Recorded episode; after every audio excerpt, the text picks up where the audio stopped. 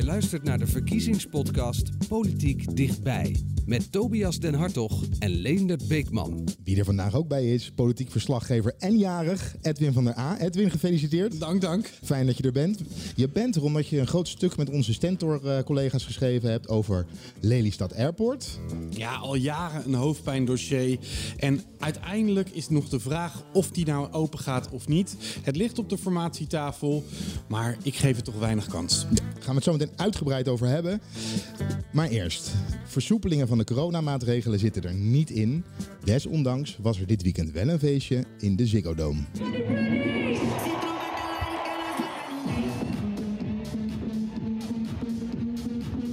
Ja, onwerkelijk en ook wel vertrouwd. Ik vind het hartstikke leuk. Na zo'n lange tijd weer wat kunnen doen is helemaal prima. Ja, test-event. Eh, was jij daarbij voor je verjaardag, Edwin? Had je Nee, uitgenodigd? Nee. Ik was daar niet bij, nee. Ja, er zijn nu een hoop van die test-events. Ehm, ja, het is toch een beetje de hoop dat we ooit met veel testen en misschien met een vaccinatie, eh, dat we dan weer naar eh, in ieder geval meer kunnen in de Ja, samenleving. het is natuurlijk eigenlijk een beetje een rare situatie, want ze doen allerlei e- events nu inderdaad om dat testen te promoten. Maar uiteindelijk is de uitweg natuurlijk gewoon de vaccinatie. En als je ziet hoeveel, hoeveel haast Hugo de Jonge daarmee maakt. eh, weekend was ook eh, de baas van het RIVM over de vaccinaties op televisie. Die zei ook, in juli hebben we allemaal één prik eh, te pakken.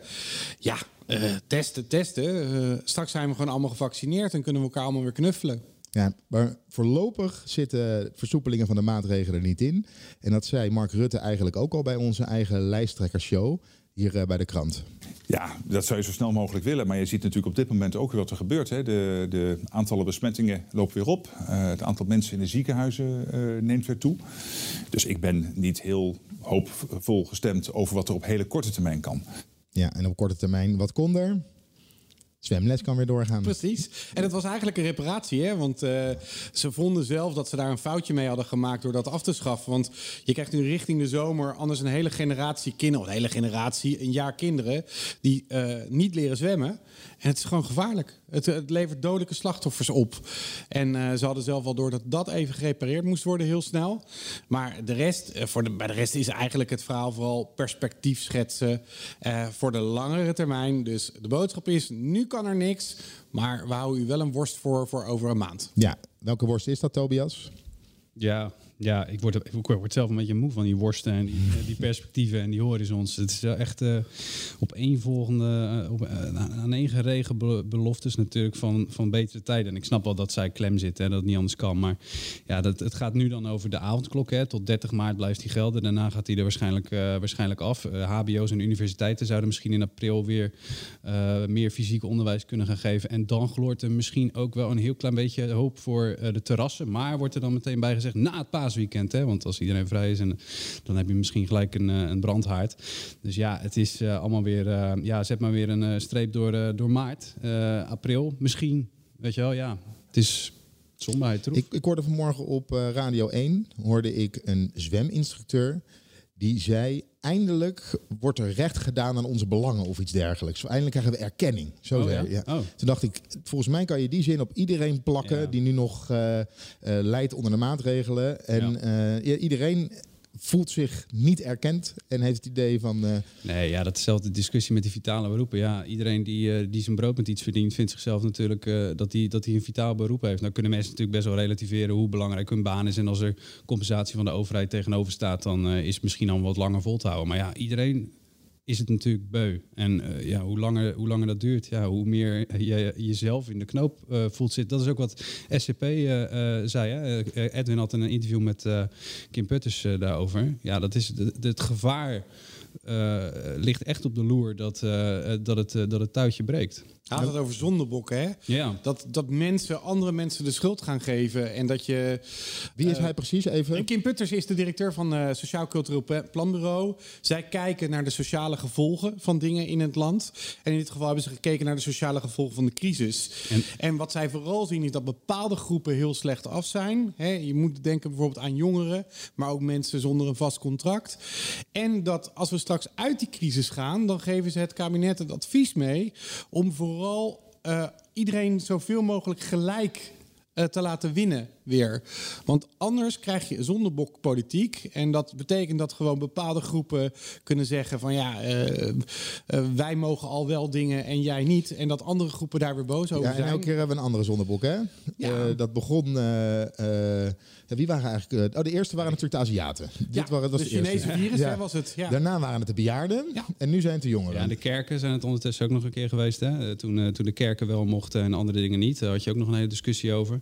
Zeker toen Ank Bijleveld naar de kerk ging met kerst bijvoorbeeld. Weet je? Dat was ook, ook zo'n discussie. eh, eh, geen diner thuis met, eh, met vrienden en familie, maar Ank Bijleveld gaat wel in een kerk zitten. Dat, dat- ja, ik denk dat eh, de SCP dat dat, dat, dat een, een, een reële angst is. En je moet ook niet onderschatten hoe belangrijk die, dat advies is voor het kabinet. Hè. De, de vrijdag voordat we dat interview in de krant hadden, toen eh, was eh, Kim Putters ook bij de ministerraad op vrijdag. En liep daar een beetje geruisloos, loopt hij dan zo weg, zo net voordat de ministers naar buiten komen. Dan denk je, oh, dan loopt nog iemand in een pak. Wie is dat? Oh, dan verrekt Kim Putters.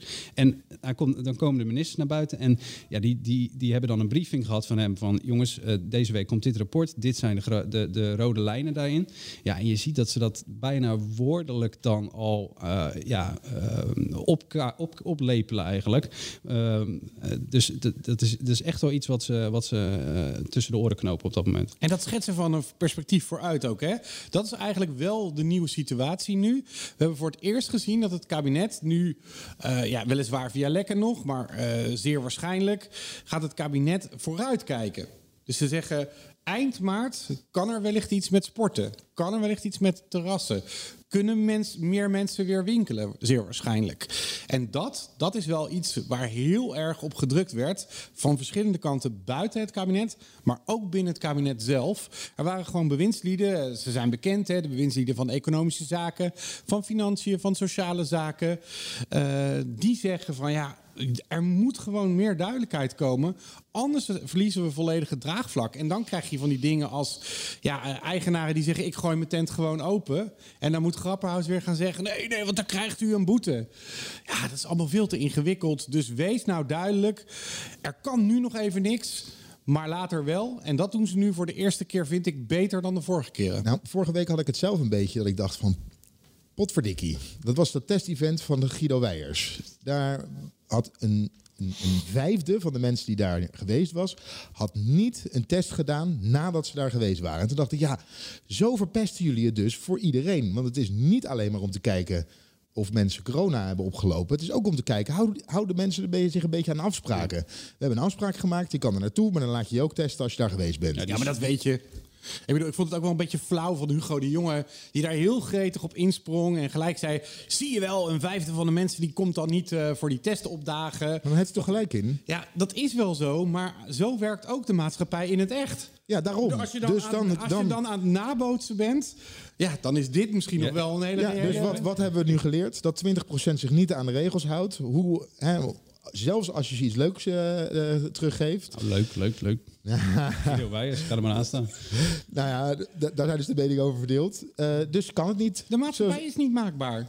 Dan moet, ze echt, daar moet dit dit is wel- kabinet echt eens van afstappen. Ja, dit is wel een ding natuurlijk. Want het, in, in wetenschappelijke zin is het perfect. Maar wat jij, dat ongemak wat jij voelt, eh Leonard, van ja, eh, hallo eh, jongens, kom dan ook even testen. Ja, dat is natuurlijk ook iets waar. ik denk dat, die, dat het bij de jongen is het natuurlijk functioneel, is die boos van jongens. maar ik denk dat het ook wel een klein beetje oprecht is. Want hij ziet, zij zien natuurlijk, maken dikwijls de vergelijking met Duitsland, waar mensen de regels veel beter naleven. Ja, ik kan me ook voorstellen dat het kabinet af en toe denkt... ja jongens, eh, hè, dit was nota bene. Eh, je zou het kunnen zien als het onderdeel van de afspraak... die Rutte met ons allemaal heeft gemaakt. Van jongens, hou je dan wel goed aan al die maatregelen. Ja, en dan doe je mee aan het testen en dan kom je, kom je niet voor de nakontrole. Als wij. Ik kan me wel voorstellen dat het en functioneel boos is... en dat ze er ook wel echt een beetje van balen. Maar Tobias, ze hebben zelf ook heel lang geroepen... wij willen niet zo'n land zijn waardoor mensen druk eh, opgelegd krijgen.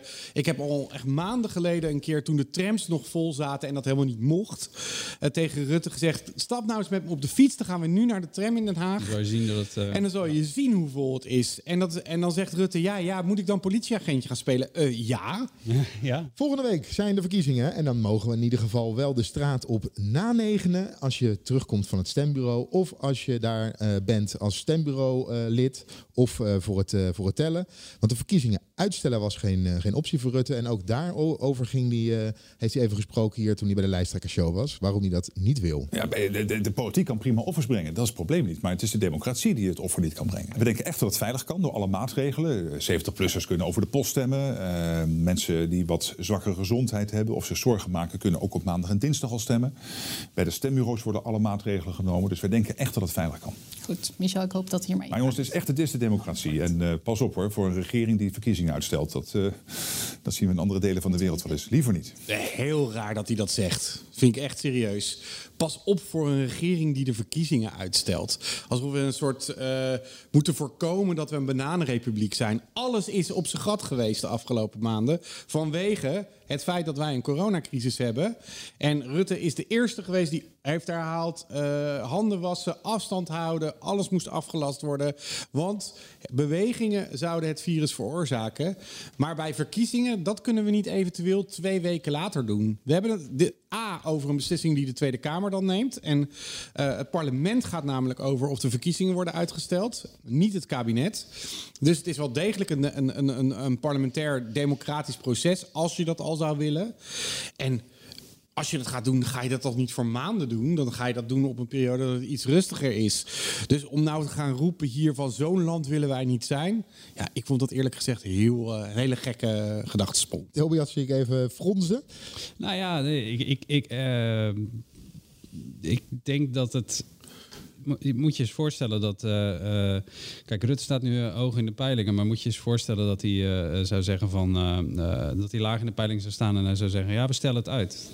Nou ja, volgens mij eh, is het land dan ook te klein. Want dan zeggen ze, ja, eh, nu sta je er niet goed voor. En dan ga je luisteren. Dus ik kan me wel voorstellen dat je, dat, dat je, dat je, als, je als je oprecht denkt dat je het veilig kan organiseren, dat je je gewoon aan plan A houdt. Maar ja, Ja. ja. Ja, ik, ik, ik weet niet. Ik vermoed hier geen complot in.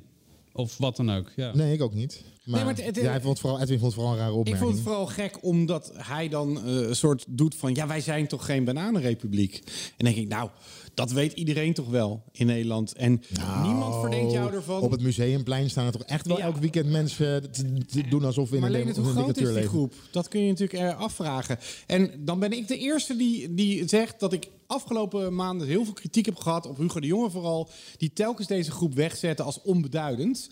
Want dat is hij niet, die groep. Het is wel, wel degelijk een, een stroming in de samenleving waar we op moeten letten. Maar laten we ook niet gaan doen alsof er miljoenen mensen zijn, want dat is namelijk de zwij- zwijgende menigte die gewoon thuis zit. En zich probeert aan een één, eh, één bezoeksregel te houden en zich sowieso aan de avondklok wil houden. Daar ben ik helemaal met je eens. Dan de campagne. De campagne is nogal lafjes tot nog toe. Ehm, er gebeurt af en toe wat. Onder andere toen eh, Wopke Hoekstra bij ons in de studio stond. eh, om te spreken over zijn verkiezingsplannen. En daar zei hij iets over de WW. En ik snap het nog steeds niet. Ik wil het even laten horen. Ja, maar wat hier denk ik wel geldt, is dat je ziet dat dit een goed idee is waar de tijd voor gekomen is. Eh, en we zien allemaal dat we, omdat we langer leven, omdat we ook allemaal langer doorwerken, je aan de ene kant sommige ouderen hebt die liever wat eerder willen stoppen. Dus er zijn regelingen. eh, voor, voor, dat, voor, voor, voor die behoeften. Aan de andere kant zie je ook ouderen die juist langer doorwerken. Tobias, leg jij dit eens even uit. Want dit stond ook bij ons in de krant. Het gaat over de WW.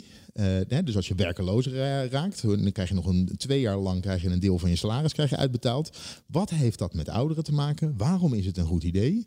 Vooral dat, wat heeft het met ouderen te maken? Daar snap ik helemaal niks van. Nee, nee. En, en eh Bob Koekstra is sinds eh, de afgelopen week bezig om te proberen uit te leggen wat hij er dan wel mee bedoelde. Hè? Want dat, daar komt hij dus niet uit. Nou ja, het, gaat, het gaat om arbeidsparticipatie. Dus ehm, het gaat om eh oudere, ook oudere werknemers aan het werk houden en uit de WW houden. Nou, als je eh, Hoekstra's verkiezingsprogramma leest, dan eh, zit daar een heel verhaal bij. Dat heeft ook te maken met een commissie die daar onderzoek naar heeft gedaan. Eh, dat is allemaal ingebed in een heel lang en eh, wollig verhaal over arbeidsparticipatie.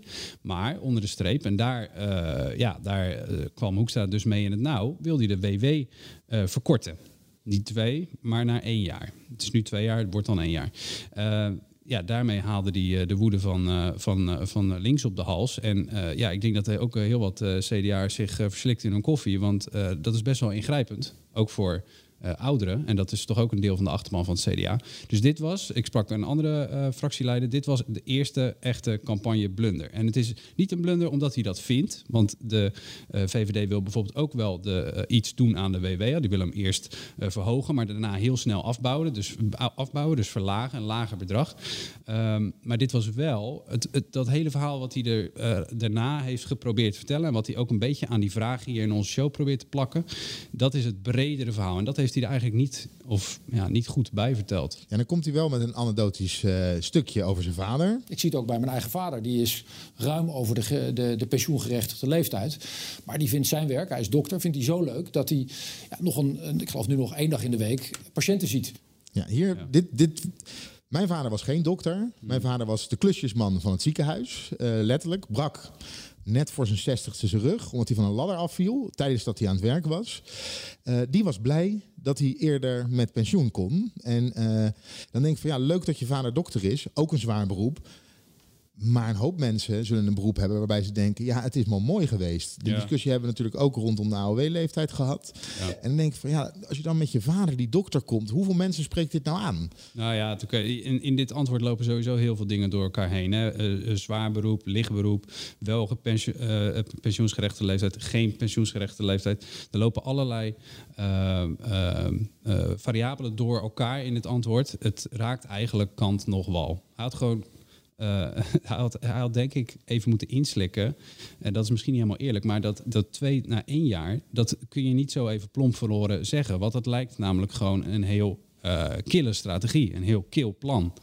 Terwijl het best wel ingebed is in een ja, langer verhaal, waarbij je echt iets probeert te veranderen aan de arbeidsmarkt. Om meer mensen aan de slag te houden die dat willen. eh, en minder mensen thuis werkloos te laten zitten, terwijl ze misschien wel willen werken. Want dat is eigenlijk ja, de strategie. En daar, daar, daar ver- verschillen de partijen onderling niet, eh, eh, niet over van mening. Hè. Dat is CDA, dat is VVD. Alleen ja, nu net, dit puntje van de WW, dat tilde die er een beetje op een plompverloren manier uit. Daar kwam nog bij dat het ook niet zo in het verkiezingsprogramma stond. Nee. Maar in het doorrekenen. In het door, een beetje versluierd dus. Ja, dus dat geeft een beetje een nare... Ja, precies. Tobias, mag ik nog even mijn krant? Die ligt bij jou. Dat is de krant van, van zaterdag. Eh, wat mij opgevallen is, en dat zag ik eerder al. Hadden, ik zei net, er is een laffe campagne. Eh, Een, een beetje mat is het. Een beetje een matte mat. campagne. En dat zie je terug in de manier waarop Hoekstra, eh, maar dat zal ik zo meteen ook nog even laten horen, Kaag, eigenlijk Rutte aanvalt. En Hoekstra zijn truc is, door hem niet persoonlijk aan te vallen en zeggen, jij doet dit en dit fout, maar door hem vragen te, door vragen te stellen. Dus hij zegt over Rutte, in hoeverre ben je nog de oplossing voor, eh, voor de problemen die komen? Vraagteken. Of, dan vraag je jezelf, zijn de goede ideeën niet eigenlijk op? Vraagteken draaien we niet een beetje op de automatische piloot? Vraagteken. Dus eigenlijk zegt hij, deze man heeft geen oplossingen. De, zijn goede ideeën zijn op. Hij draait op de automatische piloot, maar dat zegt hij eigenlijk niet. Hij doet het in de vorm van een vraag, waardoor wij zeg maar, op een hele doorzichtige manier dat zelf maar moeten concluderen. Is dit een beetje een, ehm, een, een, een verhullende manier om Rutte aan te vallen? Vraagteken. Ja, Ja, natuurlijk is ja. dat het. Ja, het slaat helemaal nergens op. Nee, dit is gewoon altijd net zo goed wel spreek, je dan, spreek je dan gewoon uit? Ja, spreek je dan uit. Ja, nou ja, ik denk dat hij ook wel eh, met het ongemak zit. Dat hij weet, ik heb net eh, drieënhalf jaar in, in, in een kabinet gezeten met Rutte. En daar ga, gaan we misschien nog wel een keertje vier jaar aan vastplakken. Want eh, we, zitten gewoon, we zijn tot elkaar veroordeeld na de verkiezingen. Die kans is vrij groot. Dus ja, ga je hem, eh, ga je hem nu afbranden, maak je jezelf ook ongeloofwaardig. Als je dadelijk na 17 maart zegt, nou jongens, eh, we gaan formeren tot over twee, we- twee maanden. En dan ligt er een eh, regeerakkoord en dan zijn we weer vrienden. Sigrid Kaag was hier ook van D66-lijsttrekker en die zei het volgende over Rutte. Ik denk dat we eh, in Mark Rutte een, een, een geweldige manager hebben gehad al deze jaren. Maar ik denk dat deze periode vraagt om een ander leiderschap. Dat zowel vanuit waarden is gedreven, vanuit normen. En ook de keuzes durft te geven. En niet alleen wacht tot de peilingen anders aanwijzen. Dus niet achter het draagvlak aangaan, maar ook draagvlak creëren. Daar moet je je momenten in kiezen. Nou, dit zijn van die complimentjes die heb je liever niet. Hè? Nee. Eh, hij is een, eh, een goede no crisismanager. Ja, dit is... Hij heeft geen waarde Nee. en hij loopt achter eh, de kiezer loopt hij aan voordat hij keuzes maakt. Eigenlijk Ja. heeft hij totaal geen visie. Nee, en ergens, als je, de, als je even de archieven induikt naar een paar maanden geleden. Het was Lodewijk Asscher die dit, hè, die, die, die, die was er toen nog hè, in Politiek Den Haag. Het was Lodewijk Asscher die daar voor het eerst over begon. Rutte is een crisismanager, maar geen visionair. Nou, dat hij geen visie heeft, dat wordt hem al jaren verweten, hè, Rutte. Maar dat hij een crisismanager was, dat was echt een label label wat eh eh, Asje met eh, plezier op zijn, op zijn rug plakte. Dat nam Hoekstra toen over, nu Kaag. Ja, ergens is dat een hele begrijpelijke natuurlijk. Want Rutte is ook een pragmatisch, pragmatisch leider. En, en als het over discriminatie gaat, als het over Zwarte Piet gaat... heel vaak hangt die eerste st- stelling aan... die door de meerderheid van de bevolking wordt omarmd. Ziet hij dat kantelen, dan, dan, dan, dan buigt hij eh, ja, langzaam mee. En dan zegt hij ook, ja, mijn inzichten zijn veranderd. Eh, dat kan natuurlijk ook, hè. Ik bedoel, maar dat kun je dus ook markeren als, ja, dat is geen moreel leiderschap. En ja, dat label proberen ze hem eh, dus al maanden op te plakken. En volgens mij interesseert het hem helemaal niks. Dat is ook een beetje, Nee, als je iemand bent te beledigen, ik- moet het wel aankomen. Dat snap, is, nee, dat is een, ik snap ook eh, de, de strategie niet zo goed. Want ehm, ja, we zitten nu in een crisis. Dus de crisismanager die nu aan de, aan de gang is, daar, daar valt ongetwijfeld wat op af te dingen. Maar als je zegt, ja, hij is een goed crisismanager, maar geen visionair. Ja, we hebben nu een crisis. Waarom zou je de crisismanager dan vervangen? En sowieso, je woont ook in een polderland waar dingen tot stand komen door overleg, door water bij de wijn doen, Ja, coalities. eh, eh, coalities smeden. En dan eh, is het een beetje flauw om als je aan die coalitie hebt deelgenomen een aantal jaren, eh, om dan vervolgens te zeggen, ja, Rutte die kan geen visie vooruit, want het was nou eenmaal beknibbelen. Bijvoorbeeld ook eh, voor D66 op eh, medisch-ethisch met de ChristenUnie, met de ChristenUnie in het kabinet. Dus in die zin vind ik het ook een beetje makkelijk om, om Rutte daarvan te beschuldigen. Wat je wel ziet, is dat ja, Rutte natuurlijk eigenlijk helemaal niet in de hoek wordt gedrukt. De enige eh, keer dat hij echt in de hoek is gedrukt was tijdens de RTL-debat door de dame die zei: De eh, je had eigenlijk weg moeten. Ja. De toeslagendame. En eh, sindsdien, eh, er is niemand die ook, ook die andere. de- het probleem is natuurlijk dat iedereen daar bijna boter op zijn hoofd heeft. Eh, de minister van Financiën heeft daar net zo goed mee te maken gehad in een later stadium, weliswaar. Ja. Eigenlijk de enige die daar echt een beetje buiten is, is, is Sigrid Kaag. Maar ook haar, ook zij zie je niet, bij haar zie je niet dat zij zegt tegen Rutte: wat doe je hier eigenlijk nog? Nou ja, als het- Jij vindt dat je door moet. Je, je- de kiezer moet het maar beslissen, de VVD-kiezer. Wat is dat eigenlijk voor een rare figuur? Tobias, wij gaan ook door. Want eh, er, ligt nog, er ligt nog iets op tafel. Wat bijna iedereen denk ik vergeten was. Maar jij hebt er dit weekend wel een heel groot stuk over geschreven, Edwin. Lelystad Airport. Neem ons nog eens heel even mee wat daar nou allemaal gebeurd is.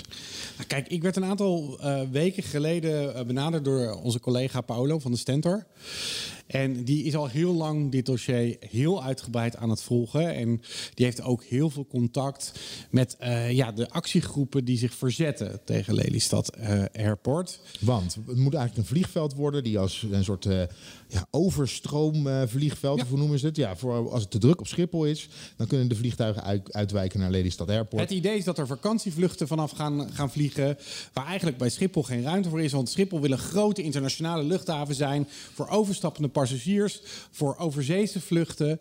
En eh, eh, het vliegtuig naar Kreta. Dat kan net zo goed vanaf Lely Air, eh, Lelystad Airport. Ja, en het landen was het probleem, want hè, en het, het opstarten, want om niet in de weg te vliegen van de vliegtuigen die naar Schiphol gaan, moeten ze voor Lelystad Airport veel lager gaan vliegen, kilometers lang. En dat maakt gewoon te veel herrie. Nou, en daar, wordt, daar, daar is de afgelopen jaren aan gewerkt door het kabinet. Eh, een herziening van het luchtruim wordt dat genoemd.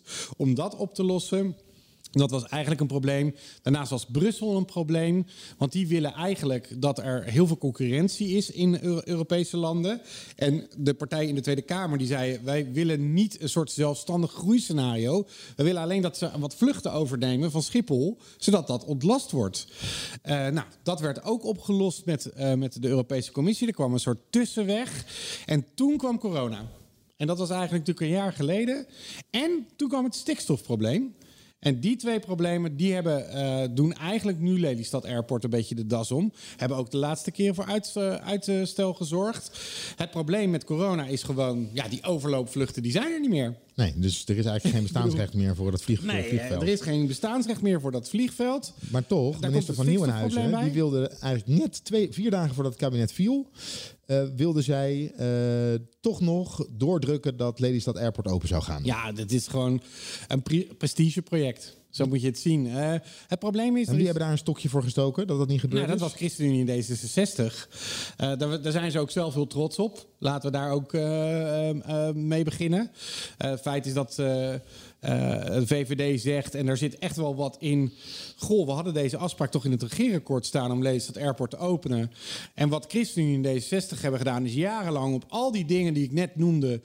vragen stellen, oppositiegroepen die vragen doorgaven aan deze partijen.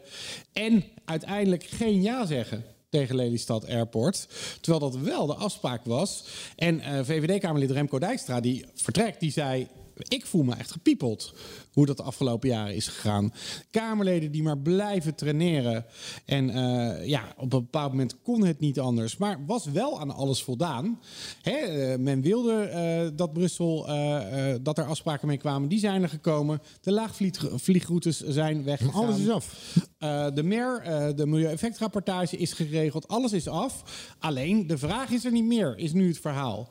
Ja, en als je dan zegt... ik heb, ik heb Jan Paternotte van D60 daar ook kritisch onder, over ondervraagd. Zeg, ja, Jan, heb je dat er nou niet aan het einde nog een beetje met de haren bijgesleept eigenlijk? Dat, die coronacrisis. En dan wordt hij eigenlijk een beetje boos. En zegt hij, ik heb altijd kritiek gehad op, uh, op de opening van Lelystad Airport. En dan denk ik, ja, maar jullie hebben wel je handtekening gezet onder een regeerakkoord... waar uh, stond dat Lelystad Air, Airport geopend zou worden. Er is 200 miljoen naartoe gegaan, ruim inmiddels ja, maar het is niet alleen. De komende uh, jaren verlieslatend zijn. Ja, maar het is niet alleen een politiek verhaal. Want uh, Gert-Jan Zegers, uh, lijsttrekker van, van ChristenUnie, die komt ook als lijsttrekker natuurlijk bij ons in, in de studio. En er zijn ook ondernemers die geïnvesteerd hebben op de opening van dat vliegveld. En die hebben nog wel een vraag aan hem. Ik ben Etienne de Jager, mede-eigenaar van Haye Restaurants. we zijn op de locatie De Lepelaar. En we zijn hier op steenworp afstand van vliegveld Lelystad. Uh, de komst van Lelystad Airport uh, is voor ons een, een, zeer interessante ontwikkeling. Ik denk dat het vliegveld een enorme aantrekkende werking zal hebben, zeker voor het gebied en de omgeving en voor de werkgelegenheid. Uh, dus wij denken ook heel erg na over hoe wij deze locaties kunnen optimaliseren en kunnen zorgen dat uh, ja, de toestroom van mensen voor de airport kunnen verbeteren. En inmiddels hebben we ook al behoorlijk geïnvesteerd in uh, de hotelvoorziening. Het zou zonde zijn als, we, als dat niet doorgaat. Dat zou betekenen dat we een aantal desinvesteringen hebben gedaan. En voornamelijk dat onze concurrentiepositie voor de markt die om ons heen beweegt anders wordt. Er zouden een kleinere markt moeten delen met meer aanbieders die zich, moeten, die zich hebben voorbereid op de komst van de airport. Beste minister Segers, als Lelystad Airport niet open gaat, wat betekent u dan voor de ondernemers die geïnvesteerd hebben op deze ontwikkeling? Dit vind ik nou een typisch staaltje ondernemersrisico. Het kabinet heeft die term al een aantal keer ten onrechte gebruikt. Bijvoorbeeld voor de terrassen. Maar dit is niet een nieuw verhaal rondom Lelystad Airport. De besluitvorming rond Lelystad Airport is al heel oud. Uh, eigenlijk is in 2015 al de knoop doorgegaan dat dat vliegveld er zou komen. En ja, die zou er dus komen. Ja, dus die Etienne de Jager, mede-eigenaar van uh, restaurant Hotel de Lepelaar, die de, dacht, nou lekker investeren, dat vliegveld, uh, vakantiereisjes.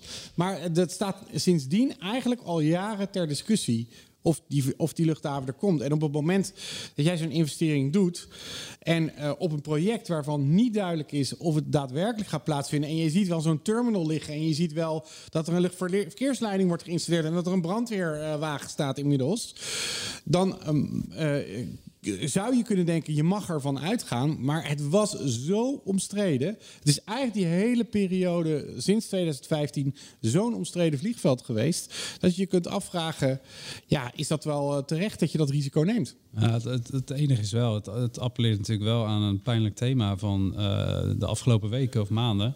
Is de betrouwbare overheid.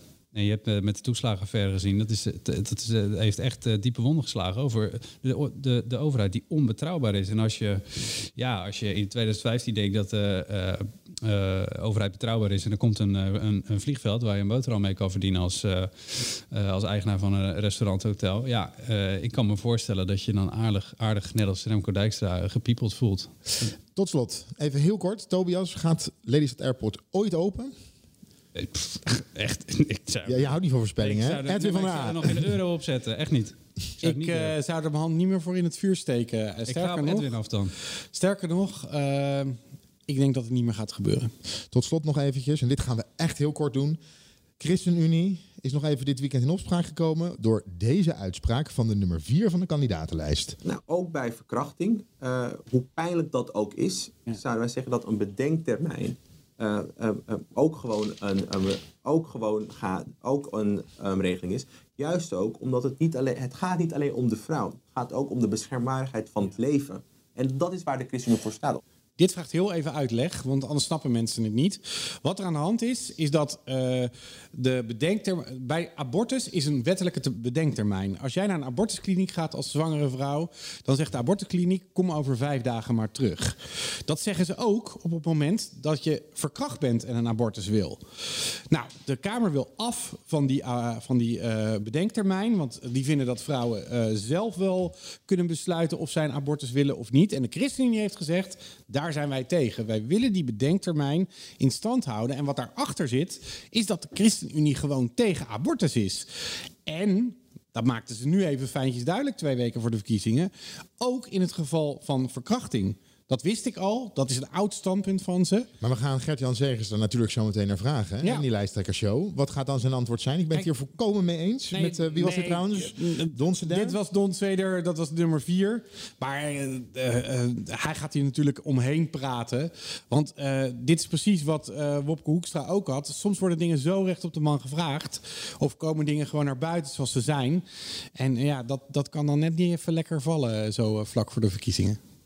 Ja, eh, hoewel het wel eerlijk is natuurlijk. Je weet wel wat je krijgt. Het is wat het is. Nou ja, aan de andere kant, eh, dat moet ik nog zien dat Segers dit nu vanmiddag gaat bij ons Ja, gaat ja. herhalen. Maar misschien ben ik heel naïef. Dit had ik van de SGP wel verwacht. Hè? Zo, eh, maar ik wist niet dat ChristenUnie zo geitenwolle sokken... en wat betreft, ik Nee. wist wel wat hun standpunt is. Het is een christelijke maar- partij. Ja. En wat dat betreft zou je zou er zelf nog kunnen zeggen dat eh, Kees van der Staaij, die hier ook over abortus stond eh, onlangs, ja, die zegt gewoon waar het op staat. Dat is niet wat wij willen. Dat is niet aan de hand. En dan kan je van alles vinden over je, het menselijk leven is beschermwaardig, dat soort dingen. Nee, zij willen ge- gewoon geen abortus. Nou, tot zover deze podcast. Eh, de lijsttrekkershows die gaan natuurlijk gewoon door bij AD Video. Gert-Jan Zegers op maandag om 4 uur. Eh, woensdag Joost Eertmans en donderdag Thierry Baudet. Allebei om 4 uur. Heren, allebei bedankt. Edwin van der A, Tobias de Hartog. Vind je deze podcast leuk? Abonneer je dan. Dat kan natuurlijk via Spotify en via Apple Podcast.